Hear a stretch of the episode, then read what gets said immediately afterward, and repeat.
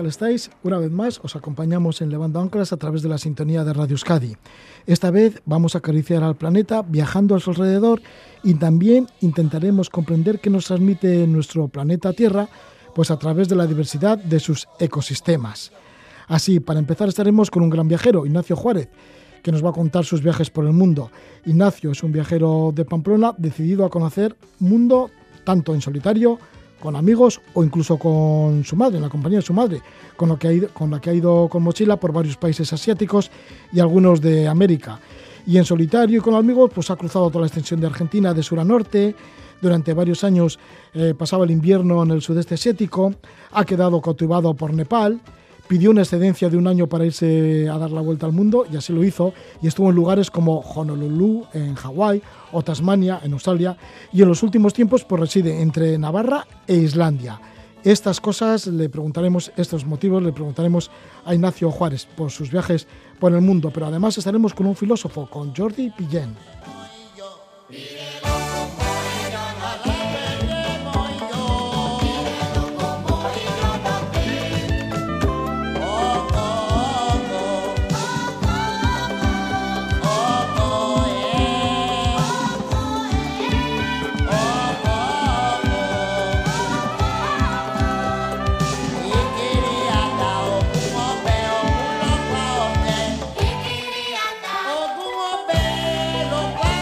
Sí, vamos a tener a todo un filósofo en nuestro programa, en Levando Anclas. Es Jordi Pillén, practica la ecosofía, escucha la sabiduría de la tierra, autor de diversas obras, pues nos va a presentar una de las últimas, Así habla la tierra. Intenta descifrar en, Así habla la tierra lo que dice un amanecer en el cráter de en Gorongoro, o en el delta del Nilo, o del Danubio, o también en el valle de Ordesa, o en el Alledo de Irati. Las rocas son los huesos del planeta, las corrientes oceánicas el fluir de las venas. Vamos a repasar con Jordi Pillén geografías y ecosistemas para descifrar qué nos transmite nuestro propio planeta, la Tierra. Pero antes estamos con Ignacio Juárez y sus viajes por el mundo.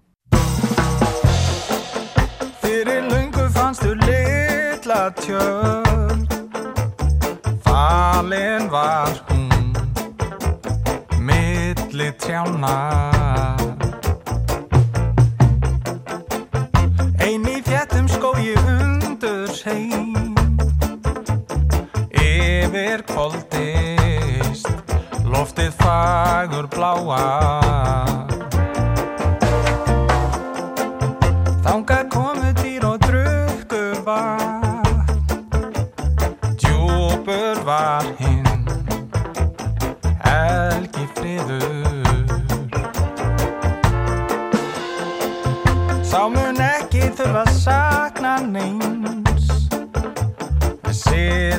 side.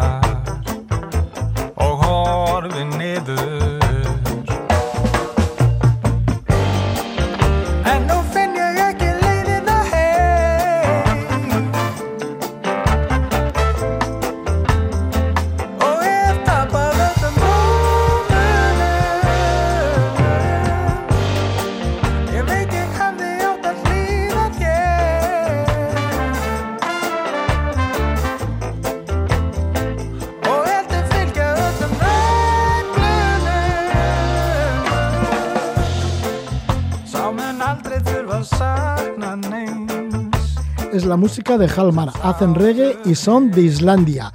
Y tenemos con nosotros a un enamorado del mundo en general, pero de Islandia en particular. Es Ignacio Juárez.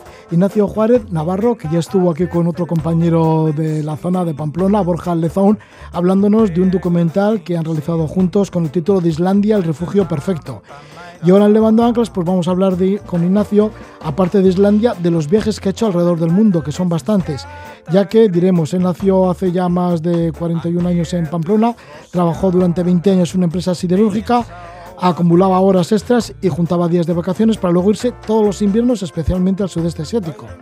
Así, en el año 2017 pidió una excedencia y durante nueve meses dio la vuelta al mundo por México, Centroamérica, Hawái, Australia, Tasmania, Sri Lanka e India.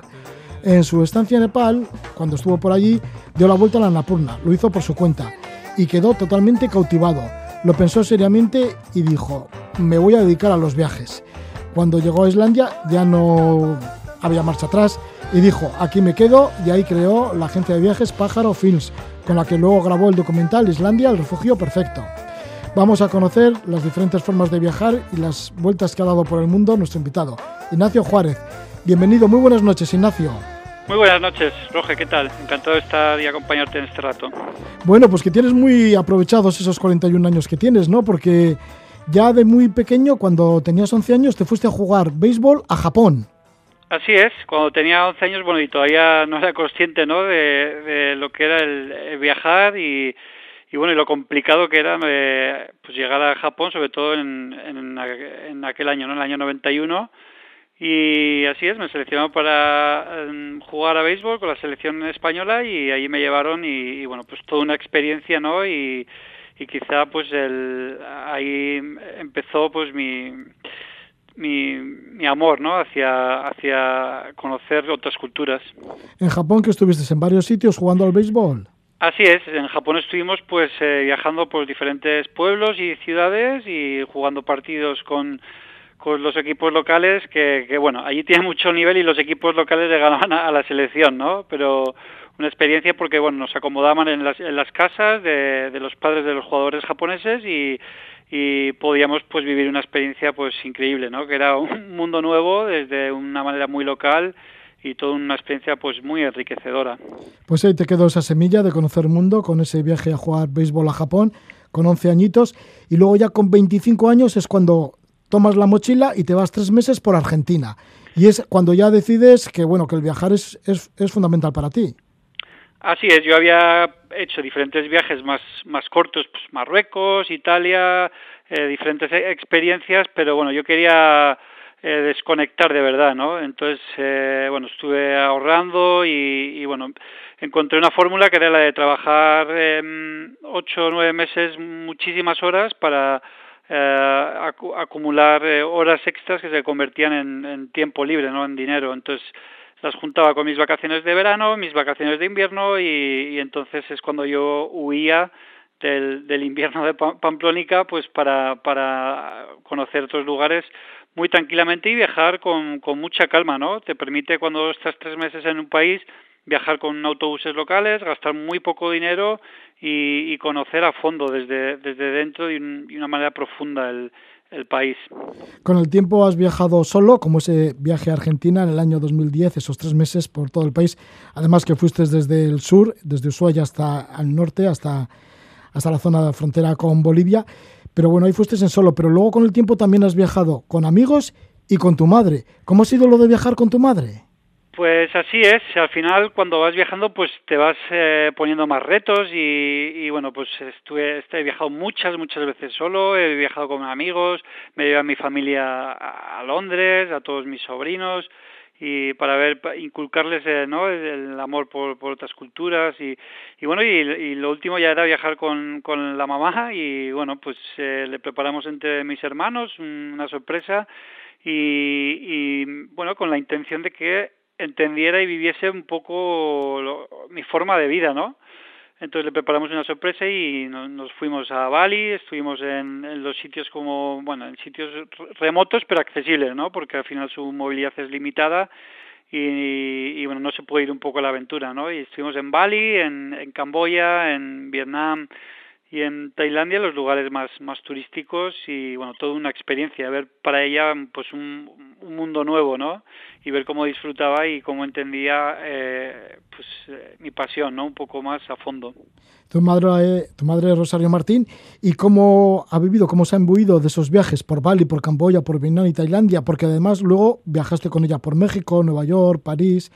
Cómo se iba convirtiendo en una mochilera más pues eh, la, la, mujer, eh, pues en una experiencia, ¿no? Era ver la cara de, de como me imagino que cuando yo, era niño y me llevaban al circo por primera vez, ¿no? Eh, igual es ese sentido, de volverle esa acción, ¿no? Con, con, con, los ojos engrandecidos, mirando para todo, porque ten en cuenta que, es otra cultura donde el mercado está en la calle, la gente está vendiendo los productos en la calle, ¿no? Es, eh, como igual se vivía aquí pues hace 40 o 50 años, ¿no? Entonces para ella era pues un poco volver a, atrás, aquel, aquel formato de vida y, bueno pues luego pues, el ruido no de por ejemplo de Hanoi no las motos eh, eh, cosas que te pueden ayudar te pueden llegar a, a sorprender y, y a gustar y asustar al mismo tiempo no el bullicio no el formato de vida el, el cómo ellos viven con esa tranquilidad en, en lo simple y felices que viven también que lo percibe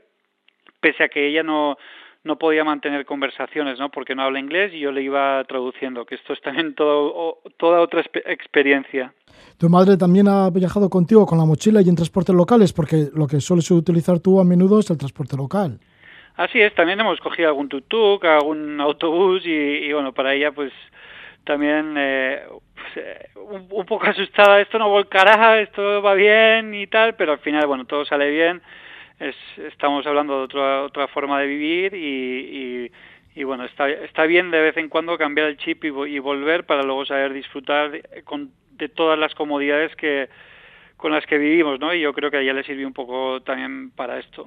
Así que también le cambió bastante la forma de vida o le cambió un poco su vida, ¿no? A Rosario. Yo pienso que es una inyección de, de de motivación, ¿no? Eh, el viajar con tu hijo, el ver lo que hace, ¿no? Porque seguramente que, que como todas las madres que tienen hijos aventureros, que salen con la mochila, se los imaginan por ahí por, con la guitarra tocando música, ¿no? Por la calle o, o yo qué sé, y, y, luego pues no es así, ¿no? Y el, que vean y entiendan eh, nuestra forma de vivir, nuestras curiosidades, el el callejear, el perderte, el probar eh, comidas nuevas, sabores nuevos, ¿no?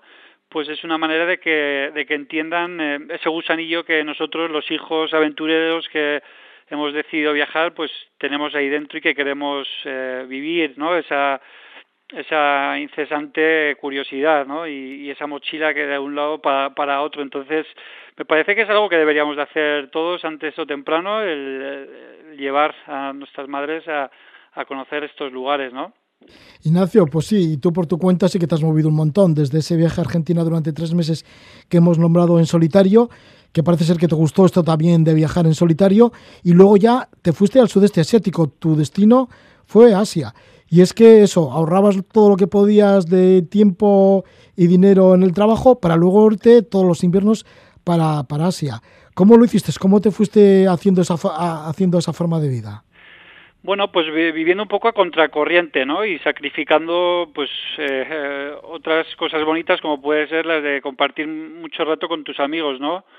Eh, al final, ¿qué hacía? Pues trabajar en Semana Santa cuando todo el mundo está de vacaciones y a mí no me gusta estar de vacaciones porque hay mucha gente y es todo muy caro, pues yo estaba trabajando. Llega a un acuerdo con la empresa, la empresa le hacía falta trabajar y yo era autosuficiente y, digamos que trabajaba prácticamente solo con un equipo en, en la fábrica donde yo estaba y entonces a ellos les convenía, a mí también, y yo trabajaba en agosto, trabajaba en julio, trabajaba muchos domingos, eh, algunos fines de semana, y bueno, sí que es verdad que te pierdes pues mucha vida social o algún que otro evento, pero yo lo que hacía pues era transportar eh, esas horas a, al invierno, ¿no? Y ahí pues eh, eh, unir todas esas vacaciones y poder disfrutar con mucha calma, con mucha serenidad, eh, amoldando los precios de los aviones a mis fechas y luego viajar tranquilo y, y disfrutar tranquilo, ¿no? Más que más que viajar era estar viviendo en, en cada país. Yo podía haber vi visitado muchos más países de los que he vivido,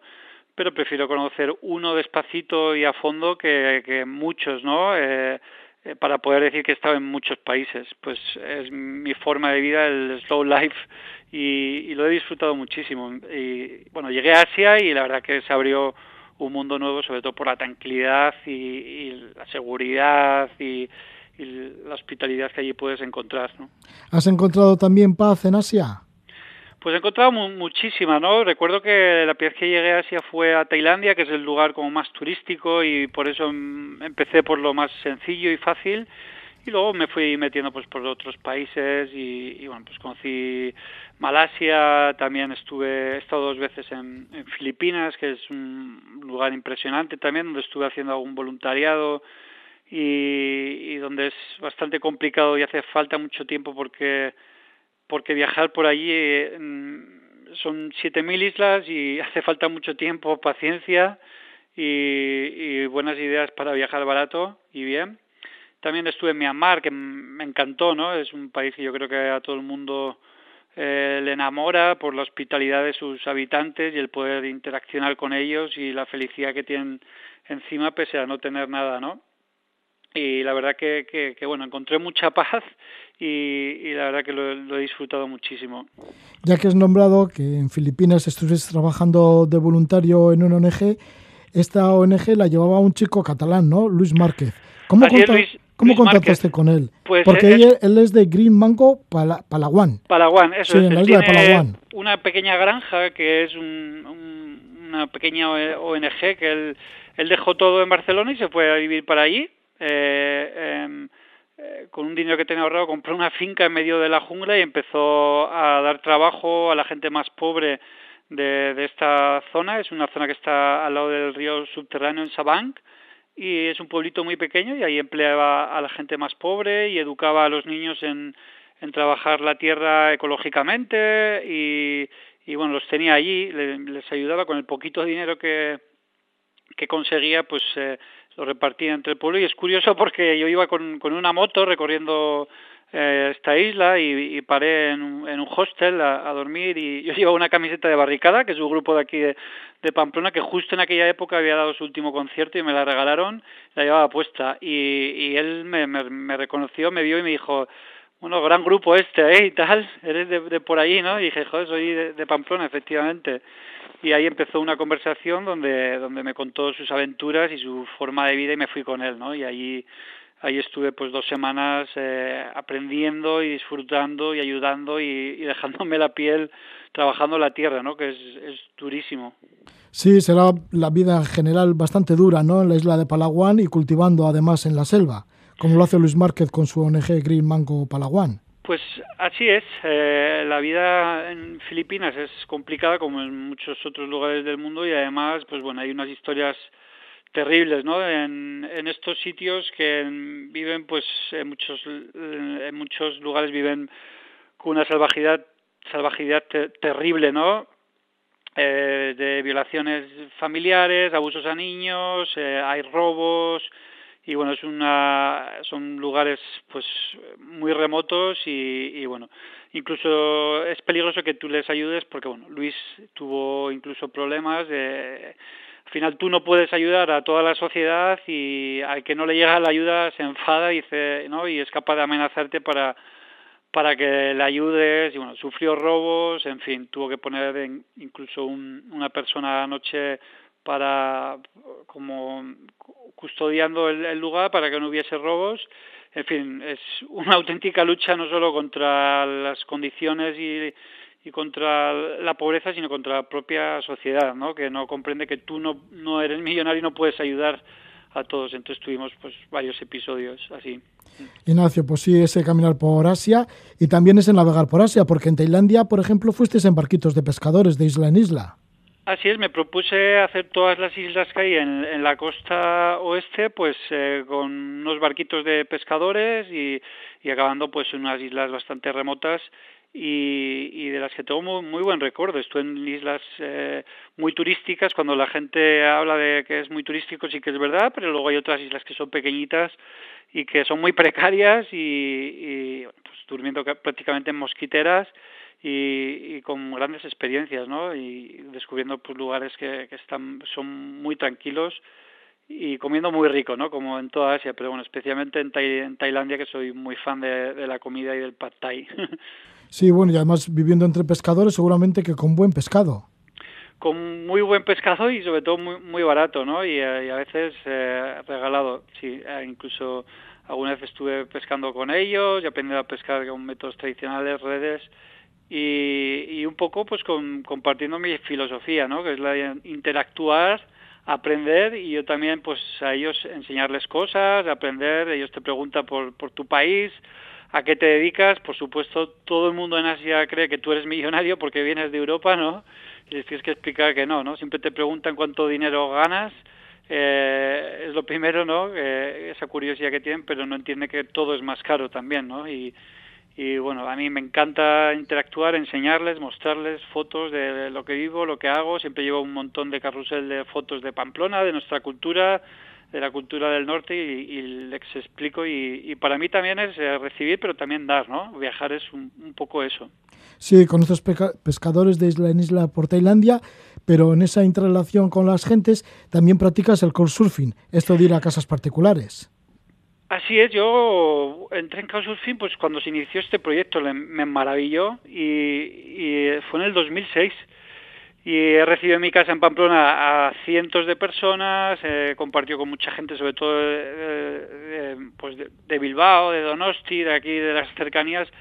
Hemos compartido muchos eventos, muchas experiencias, nos hemos visitado y tenemos una comunidad muy grande, ahora menos porque no es, no es el mejor momento, pero, pero sí que estamos en, en contacto y bueno, también lo he utilizado para visitar otros lugares y, y, contactar a otras personas y, y encontrar eh, a ese, ese amigo ¿no? que, que, al que visitas y que te enseña pues, las ciudades, los bares, las gastronomías, esas cascadas que están escondidas, que no conoce nadie, esos pequeños ríos, o incluso asistir a cumpleaños y bodas y, eh, e interactuar con, con, ellos pues como, como si fuera uno más de la familia, ¿no? Yo tengo miles, miles de anécdotas y buenísimos recuerdos de, gente que me ha ayudado y me han tratado como si me conociesen de toda la vida, al igual que yo he hecho cuando, cuando he estado en, Pamplona, ¿no? que he recibido a gente y para mí es un placer eh, enseñar la ciudad de esta manera. Bodas, cumpleaños y hasta ha sido invitado a algún funeral.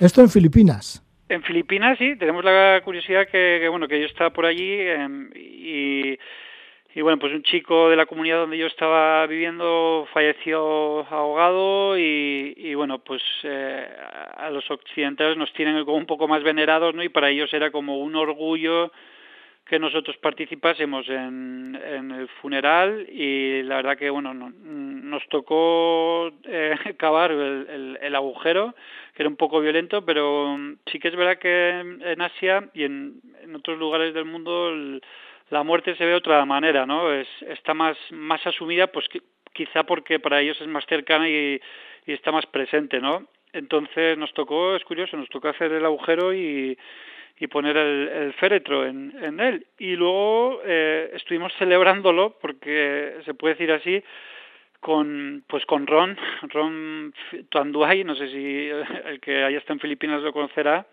y tocando la guitarra, ¿no? Estaban eh, con tristeza, pero por otro lado también celebrando que la vida continúa, ¿no? Para los que allí estaban. Entonces es un contraste muy grande, ¿no?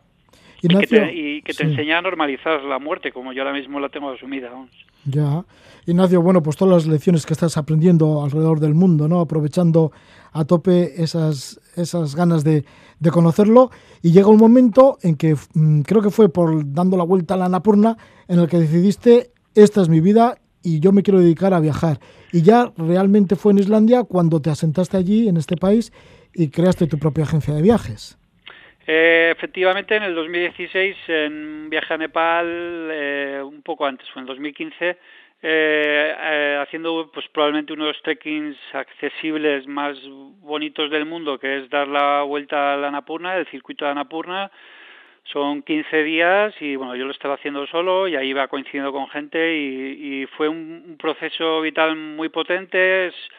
Una experiencia maravillosa el, este recorrido, mm, pasar por hasta 5.500, que es el talón lag, es el paso más alto, y, etapas súper bonitas, con muy poca gente, rodeado de montañas de, de 7.000 y 8.000 metros, y ahí fue un proceso pues muy enriquecedor para mí, un auto, autoconocimiento muy, muy grande, muy potente y fue donde dije yo yo tengo que empezar a vivir de, esto no es mi pasión sé que me gusta sé que tengo don de gentes y, ese proceso pues cada día lo iba, lo tenía más presente y efectivamente en el 2019 llego a Islandia en enero y, y allí es donde digo bueno pues este es el país y el, y el momento y, y bueno pues me lanzo a a por ello, ¿no? Y ahí emprendo Pájaro Films, que es una empresa que, que se dedica a, que me dedico a, a, llevar gente a varios países, Nepal, Islandia y serán más, más, más lugares. y, bueno, Islandia es un poco la base porque además el confinamiento me pilló allí y bueno, estuve explorando la isla a fondo y de ahí viene ese documental, ¿no? Como que hemos grabado con Borja Lezán como director, al cual conocí en Reykjavik y que es Islandia refugio perfecto, ¿no? Porque es el refugio mm, de mí en el confinamiento, mientras aquí estáis confinados, yo estaba ya viajando y, haciendo mi experiencia islandesa más grande y también es el refugio de mi sueño, ¿no? El sueño de alguien que quiere vivir de, su pasión, que es viajar y, que estaba funcionando, ¿no? Hasta la llegada de la pandemia. ¿Cuál es el contacto con Pájaro Films? Perdona, Roger. Eh, sí, eh, Ignacio, ¿cuál es el contacto que tienes con Pájaro Films? Cualquiera que se quiera eh, bueno, para tener información de tus viajes, de lo que organizas y demás. Así es. Y bueno, y tener más información también de este documental, Islandia, el refugio perfecto. Bueno, Pájaro Films es una empresa eso que, que, se dedica a llevar a, a, descubrir eh, lugares y monto grupos em, con gente que incluso no se conoce, también privados, eh, nueve personas, y descubrimos el país de una manera muy económica, muy bonita, con muchas sorpresas y de una manera diferente, ¿no? Trabajando también esto un poco y lo que lo que he aprendido ¿no? durante mi emprendimiento la emoción el saber disfrutar el vivir el momento muchos momentos yo a mis clientes les hago que busquen su espacio no es un viaje compartido pero también es un viaje propio no y enriquecedor hacia uno mismo. Y eso es estamos ahí eh, en www.pajarofilms pues podéis ver un montón de vídeos y y de, y de fotografías y, y también en, está el apartado del documental que cuenta pues toda esa historia, ¿no? El, el, cómo emprendí, Borja, que es el director, me dijo, no, tenemos que contar tu historia porque es brutal, ¿no? 20 años en, en una empresa y es un, un, em, un emprendimiento muy, pro, muy, muy progresivo hasta que un día decides y cuando decides y arranca tu proyecto que va todo bien, te quedas allí en, enclavado en Islandia. ¿no? no es un documental de Islandia, pese que hay unas imágenes increíbles de aéreas, ¿no? Yo llevo, dos drones y bueno, tenía mucho material y era una de las razones para, para sacarlas, ¿no? Hacer algo.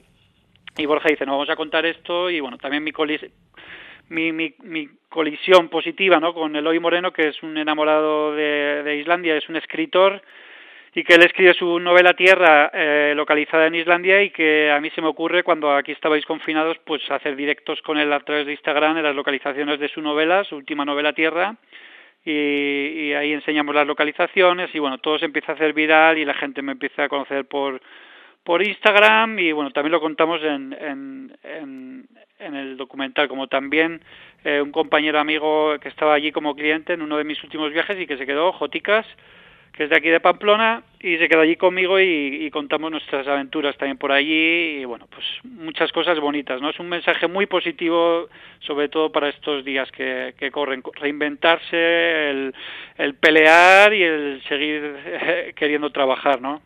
Pues ahí está ese documental, Islandia, el refugio perfecto, en el cual ya hicimos una entrevista también exclusivamente sobre ello, junto con Borja Lezaun Ignacio Juárez y Borja Lezón, los directores de Islandia, el último refugio. Muchísimas gracias por esta segunda entrevista aquí en Levando Anclas. Ignacio Juárez, por habernos hablado más de tus viajes, aparte de Islandia, pues todo lo que has tenido que vivir en solitario, junto con amigos, porque con Joticas también estuviste en parte dando la vuelta al mundo, estuvo en varios de los sitios en donde estuviste dando la vuelta al mundo. No hemos dicho nada de la vuelta al mundo, igual algún día continuamos con esa vuelta al mundo. Pero bueno, gracias por contarnos eso, tus viajes en solitario, también con tu madre y nada, y pues que siga todo muy bien con Pájaro Films. Muchas gracias, Roge, un placer estar aquí nuevamente contigo.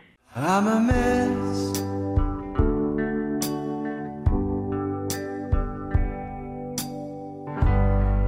I should be filling rooms with the sweet smell of success.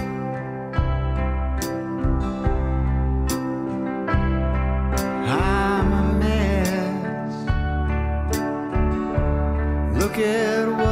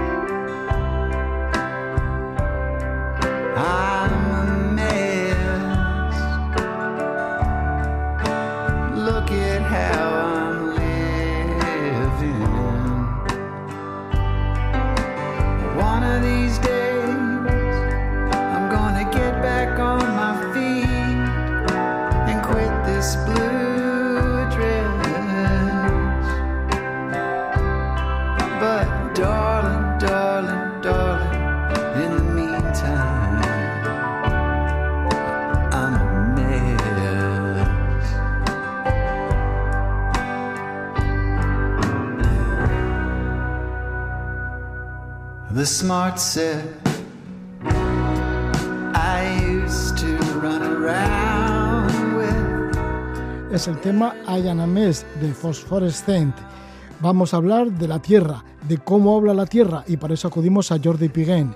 ¿Cómo siente el planeta Tierra? Escuchamos su voz, ¿qué nos dice? Que la Tierra siente y tiene alma es una idea universal que llega desde la antigüedad, desde los sabios griegos a los románticos alemanes. Forma parte también del sentido común de los pueblos indígenas y de las filosofías que llegan de Oriente. Sobre este tema, pues sí, hablamos con Jordi Piguén, doctor en filosofía. Publica Así habla la Tierra, una vuelta por los ecosistemas del planeta salpicado de reflexiones. Realiza un ejercicio de ecosofía, la escucha de la sabiduría de la Tierra y transcribe sus intuiciones acerca de lo que la Tierra percibe y siente. También es un viaje alrededor del planeta por muchos de sus ecosistemas. De todo ello le preguntamos a Jordi Piguén y le damos la bienvenida. Buenas nit, Jordi. Eh, buenas noches, Gabón, eh, Roge. Y perdona, eh, Pigems es como se pronuncia el apellido. Ah, vale, bueno. No importa. Vale, pero sí, importante, sí, sí. Vale, Jordi, pues mira, nos hablas desde la Costa Brava, desde el pueblo en el que vives, La Escala, ¿no? Que también es parte de tu familia, en Ampuria. Por ahí entraron los griegos y los romanos. Correcto, sí. Yo estuve dando clases en Inglaterra varios años de filosofía de la ciencia. Cuando regresé en este pueblo en el que tengo familia, eh, en, la, en, la, costa, un pueblo tradicionalmente de pescadores, pues, pues encontré un, un alquiler barato eh, para estar un poco tiempo y, y, llevo aquí pues 18 años. Entonces, una cosa que me hace gracia de este, de este lugar, aparte de que hay una costa preciosa y se ve una parte del Pirineo, el Canigó, que tiene nieve pues seis meses al año, eh, pues aparte de eso, los griegos eh, fundaron aquí su primera ciudad, luego también entraron por aquí los romanos, pero a mí especialmente, habiendo estudiado filosofía, pues me parece interesante saber que antes de que naciera Platón aquí se estaba hablando griego clásico y se estaría recitando pues la Ilíada y la Odisea. Y en esos poemas, los poemas de Homero, la Ilíada y la Odisea, ahí está muy claro que la percepción que tenían estas gentes en aquel momento era de que todo en el mundo está vivo, todo está vivo. Eso lo tenían como bastante claro, para ellos era como de sentido común. Era de sentido común para los griegos homéricos y también lo era, como decías tú antes, para, para todos los pueblos indígenas. De todos modos, aparte de, de, lo que he citado, pues los filósofos griegos como Platón y Plotino y los románticos alemanes, eh, también para mí es muy interesante cómo la ciencia contemporánea cada vez nos muestra que la autorregulación del conjunto de la biosfera es un verdadero prodigio, es un prodigio que desborda nuestra comprensión. Hay varias maneras de aproximarse a ello. Una de las más conocidas es la, lo que se llama la teoría Gaia, pero hay otras. La cuestión es que la, el conjunto de la biosfera mantiene una serie de parámetros de temperatura, salinidad de los océanos, pH, composición de la atmósfera, etcétera, que permiten que la vida eh, tenga unas condiciones óptimas para, para florecer. Y en este sentido, el conjunto de la biosfera, de la Tierra, eh, la parte viva de la Tierra, se autorregula tanto como una célula. Y eso pues nos lleva a, al hecho de que, de que, el conjunto de la Tierra es un prodigio, es un prodigio de autorregulación. Y por tanto es lícito pre preguntarse si la Tierra está viva. Y si la Tierra está viva, entonces es bastante natural, bastante lógico, argumentaría si tuviéramos tiempo, eh, que esta Tierra viva tenga una conciencia. Y eso nos lleva de vuelta, más de dos mil años después, a esa idea que tenían estos eh, griegos clásicos y los pueblos indígenas, de que la Tierra está viva y de que hay una especie de alma del mundo, anima mundi en latín, psique del cosmos, como decían los griegos. Esta idea de que, de que la Tierra es mucho más que un almacén de recursos, algo inerte que podemos explotar y a lo que podemos arrojar nuestra contaminación, sino que tiene entidad propia. Y eso, de ser así, cambia radicalmente nuestra relación con el mundo. Sí, y eso es lo que quiere demostrar este libro, así habla la Tierra, porque comienzas con una serie de amaneceres, por ejemplo, en el cráter de Corongoro, ¿no? Con elefantes, cebras, hienas, hipopótamos, rinocerontes, búfalos, leones, guepardos, que sienten que empieza un nuevo día. Y también, pues, al unísono amanece el delta del Nilo. Cientos de miles de aves sienten el cambio en el aire y emprenden el vuelo. Todo está vivo y siente. Dices que un ecosistema es una sinfonía de experiencias. Sí, yo en un libro anterior, Inteligencia Vital, que también lo publicó Queiroz, como este, eh, eh, llego a la conclusión de que todo lo que vive tiene alguna forma de inteligencia. Y, llego a esta conclusión basándome en artículos de las mejores revistas científicas, que incluso atribuyen a veces eh, inteligencia a seres unicelulares, porque todo ser vivo ha de percibir su entorno a fin de saber qué le conviene y qué no le conviene, qué es un nutriente al que acercarse, qué es una toxina de la que alejarse. Entonces, eh, todo lo vivo percibe y por tanto todo lo vivo tiene alguna noción de su entorno, todo lo vivo de algún modo siente, de modos muy distintos de los nuestros y sin que lo puedan articular con palabras como nosotros, pero alguna especie de sensación ha de haber en, todo tipo de organismo. Quizás sensaciones un tanto semejantes a las que podemos tener cuando estamos medio dormidos, medio despiertos, medio inconscientes, digamos. Entonces, bueno, eh, si esto es así, y, me parece indiscutible que es así, pues eso quiere decir que cada especie animal tiene su propia manera de vivir el mundo, de experimentar el mundo, de sentir el mundo. Y por tanto, un ecosistema es una sinfonía de todas esas maneras distintas de percibir la realidad que tienen pues las diferentes especies de mamíferos, de aves, de reptiles, de anfibios, de árboles, de plantas, de microorganismos, etcétera. Y eso es una perspectiva que nos lleva a ver el mundo con mucho mayor eh, respeto y que hace que el mundo sea mucho más interesante, creo yo. Y no solo los animales, sino que, por ejemplo, a través del agua fluye la vida. Esto es lo que comentas, ¿no? Que es como una especie de sangre del cuerpo humano. ¿Se podía hacer un símil entre el agua y la sangre del cuerpo humano? Eh, esa idea, esa idea de que la sangre es el cuerpo, eh, que el agua es la sangre de la tierra, ya la formula Leonardo da Vinci, el gran, el gran artista del Renacimiento. Tiene, tiene un texto precioso en el que dice que, que la, que la tierra, o sea, el suelo vivo, el suelo fértil es como la piel de la tierra, que, la vegetación es, es, como el pelo de la tierra, que las rocas son como los huesos y que, y que el agua efectivamente es como la sangre, el equivalente de la sangre en el organismo humano.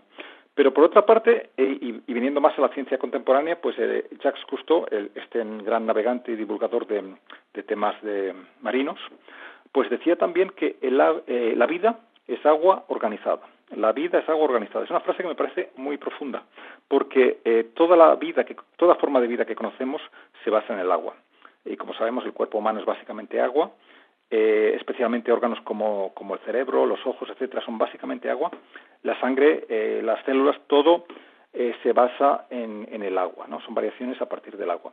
Y esta idea nos, nos liga a todos los otros seres vivos y nos liga también a todo el agua que fluye a través de los ríos, de los océanos, de las lluvias, eh, de los manantiales, etcétera. Y, por tanto es una idea que también exploro bastante en el libro. Sí. sí, dice la frase, el circuito de las grandes corrientes oceánicas equilibra la temperatura y distribuye nutrientes a través de los océanos, como la sangre en nuestro cuerpo. Y luego también has nombrado las rocas, mm, al respecto de Leonardo da Vinci, ¿no? Las rocas son los huesos de la Tierra. Las montañas Eso es lo que dice Leonardo e incluso distingue diferentes tipos de, rocas, unas que compara con los, eh, con los huesos eh, y otra que, otras que compara las rocas porosas con los cartílagos. Pero en cualquier caso, lo, que me parece eh, muy interesante es esta idea de que tiene Leonardo de ver el conjunto de la Tierra, lo que ahora llamamos biosfera, como algo perfectamente vivo. Y es algo que, em, que encaja perfectamente con lo que está descubriendo la ciencia contemporánea. Sí, y dices que la mayor cordillera de la Tierra es la que recorre de manera continua el fondo de los océanos de los océanos de nuestro planeta, ¿no? Porque atraviesa todo el Atlántico, dando lugar a elevaciones como Islandia o Azores, entre otras islas. También luego sigue por el Atlántico Sur, uno de sus brazos sigue hacia el Océano Índico, sube hasta el Golfo de Omán, desciende hasta el Índico Sur y prosigue hasta el Pacífico y penetra en el Golfo de California. O sea que vaya cordillera, ¿no? Hay en los fondos de los mares. Sí, esto es una cordillera que es como 5 o 10 veces más larga que los Andes y más, y más ancha que el Himalaya. Y esto eh, lo sabemos desde hace pocas décadas, como está en el fondo del mar, pues no, no la conocemos tanto, pero hoy en día tenemos eh, mapas eh, e ilustraciones detalladas de cómo es esta cordillera. Y, bien, es asombroso darse cuenta de, todas estas otras todos estos otros prodigios que, hay en la Tierra y que normalmente no vemos. ¿no? Entonces en el libro confluyen de, algún modo eh, todos esos conocimientos que la ciencia ha ido recogiendo sobre cómo es en el fondo la Tierra y todos sus ecosistemas, incluidos los fondos oceánicos, y también mis, intuiciones de lo que creo mm, intuir que nos transmite la Tierra en un momento como el presente. Sí, hablaremos de eso, pero hablando de esos prodigios de la Tierra, también señalas que en el siglo XXI se ha descubierto que bajo el curso del río Amazonas hay un recorrido similar. Fluye un río subterráneo que se llama Anza y nace en los Andes y desemboca también en el Atlántico. En el fondo de los océanos, tras recorrer este río, el Anza, 6.000 kilómetros, este río subterráneo. Vamos, esto sí que es prodigioso también, ¿no? Sí, no, es que sea un río que fluye eh, como fluyen los ríos que hay em, sobre la superficie de la Tierra, pero sí que hay una corriente de agua que de modo continuo va atravesando rocas porosas desde los Andes hasta el Atlántico y eh, desemboca en el Atlántico a una cierta profundidad, pero desemboca del mismo modo que desembocan los ríos. Entonces, es un curso de agua mucho más lento, pero mm, reúne los requisitos para que sea denominado un río, mucho más ancho que el, que el Amazonas que fluye por encima. Eh, y por tanto, si el Amazonas eh, es ya un prodigio eh, de, muchas maneras, es el gran pulmón de, la Tierra, pero toda esa mm, cantidad de ríos y afluentes que confluyen ahí, pues forman un universo de vitalidad inigualable, ¿no? Pero es que al mismo tiempo resulta que bajo tierra hay otro prodigio fluvial, que es este río Amza o Hamza, que, estabas comentando. Sí, eh, algunas de estas mm, de estos aspectos desconocidos de la Tierra o menos conocidos pues han querido también expresarse en este libro. Pues sí, ahí está Hanza. Y luego, bueno, pues también vas a la idea de que todo fluye transformándose, de que cada luna que muere nace una nueva luna. El día muere y nace la noche, que morirá para que nazca un nuevo día. Ahí está el tema de la vida y la muerte, ¿no? Sí, la naturaleza eh, es continua transformación y esto, pues cualquier rincón de la naturaleza que, que observemos con detalle, nos muestra que todo está en continua renovación. Incluso eh, las células de nuestro cuerpo se están renovando continuamente. Eh, cualquier parte de un organismo vivo, en la medida en que está vivo, es dinámico y está en profunda transformación. Y, esa, y ese dinamismo es mucho más intenso, es mucho más rápido, cuanto más vas a una escala más pequeña o microscópica. Por tanto, ah, tú, ves un árbol y, y, parece que allí no ocurre nada, que está quieto, pero bajas a una escala mucho menor, eh, lo analizas con un microscopio y ves que eh, hay un movimiento ininterrumpido de una serie de, sustancias que el árbol está moviendo porque es lo que necesita. Y lo mismo ocurre pues con el cuerpo humano y ocurre con todo. Y eso lleva pues a reivindicar eh, una filosofía dinámica de que, todo lo que es sólido en el fondo emerge de lo que está en movimiento, que es algo que también hoy en día nos demuestra la, física cuántica, es decir, toda la, aparente solidez de los objetos que nos rodean, a nivel subatómico, eh, lo que ahí tienes es una vibración continua que nunca se detiene. Y eh, también nos conecta, eh, ya que mencionabas los sabios griegos, pues con la filosofía, por ejemplo, de Heráclito, que ya dice en, en la Grecia clásica que todo fluye. Todo fluye y no puedes bañarte dos veces en el mismo río, según su famosa frase. Sí, y bueno, pues ahí está esa, eh, como todo fluye, ¿no? Las aguas y también, como has nombrado, los árboles, los bosques. Y dices en una parte del libro que amanece en el Alledo En esos montes y valles, a la parte más visible le llaman Amalurra, Madre Tierra.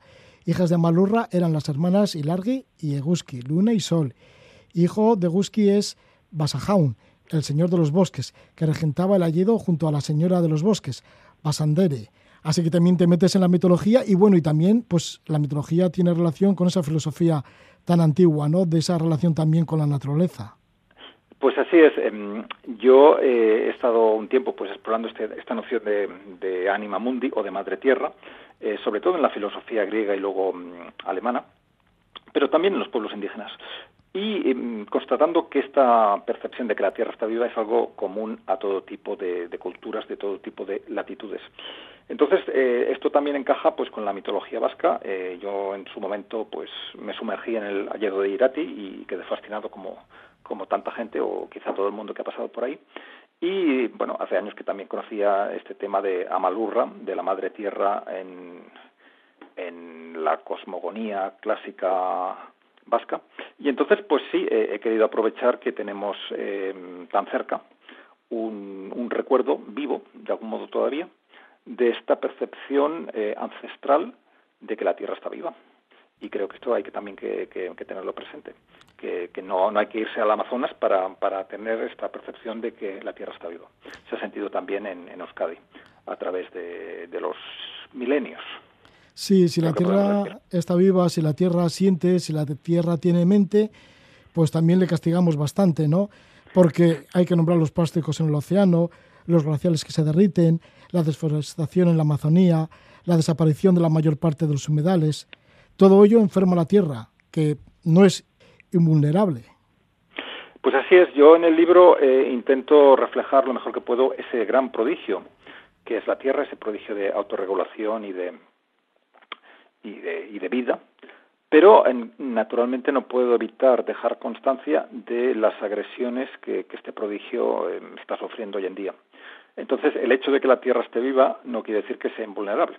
Precisamente todo lo vivo mm, puede enfermar y puede morir.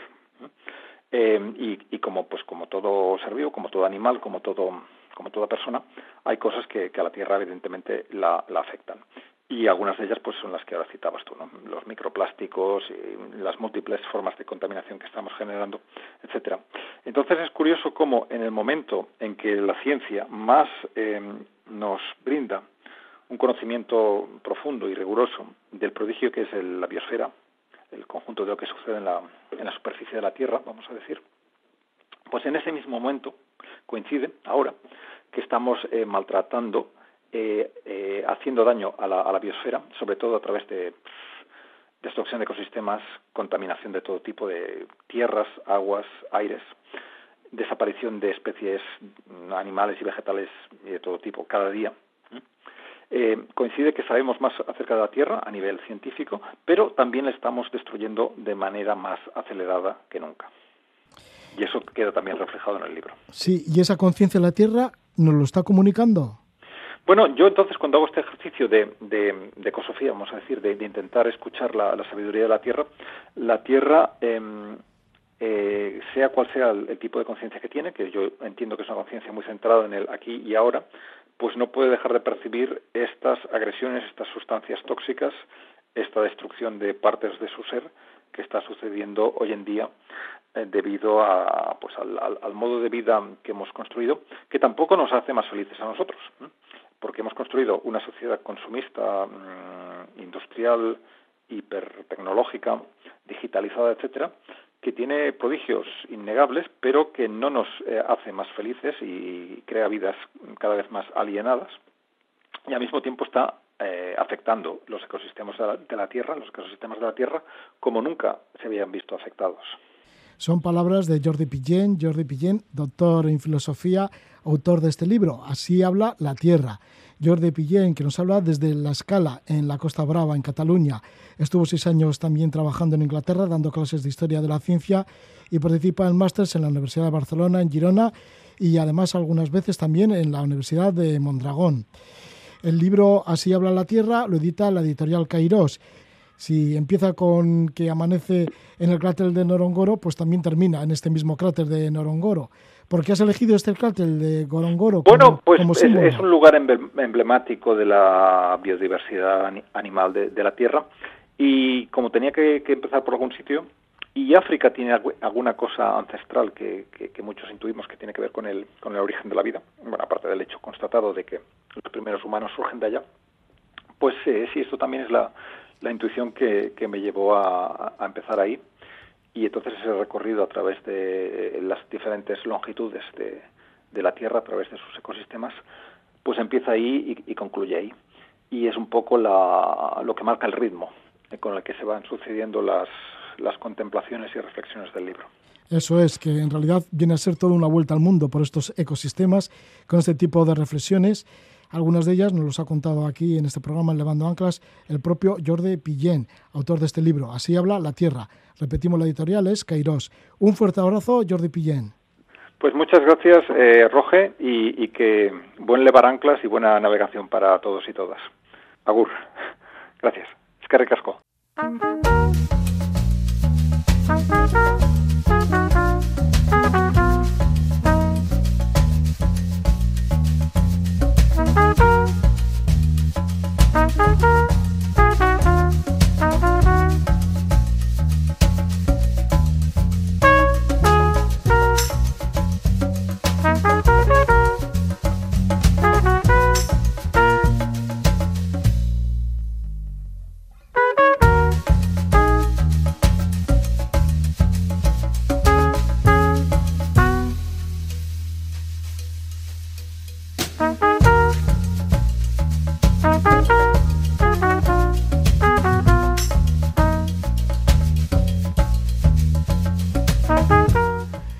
Pillén ha puesto el oído al sonido de la tierra y nos lo ha contado.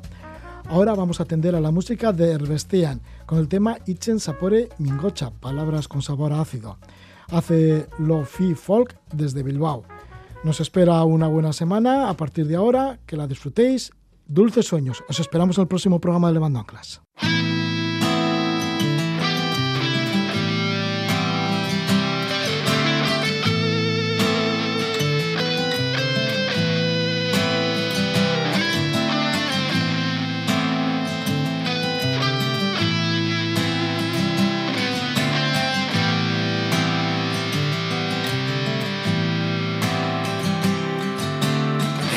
Ikäsitakoitzen artean Hauek dira nire gustokoenak Ahoa irekitzean Ateratzen ez direnak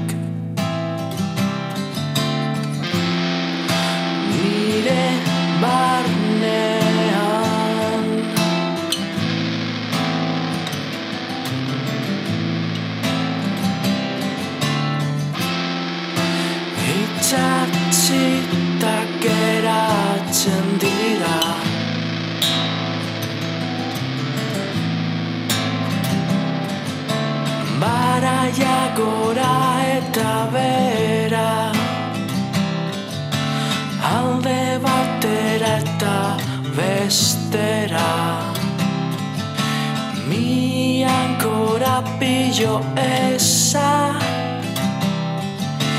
Mi ancora pillo esa.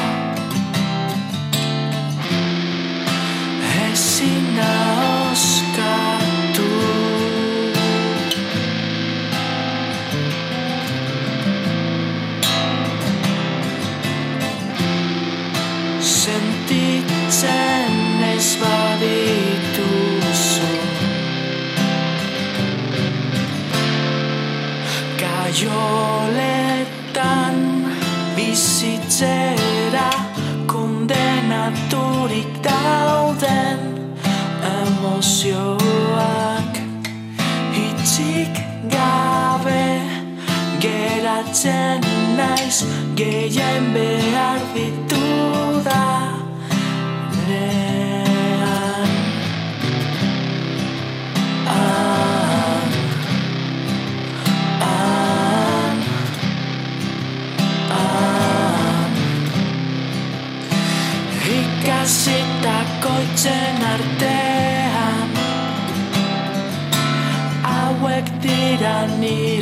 gustokoenak.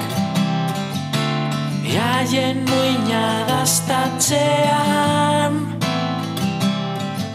Zapore mingotzik ez dutenak. Gaialetan bizitzera kondenaturik dauden emozioak. Hitzik gabe hartzen naiz gehien behar dituda nean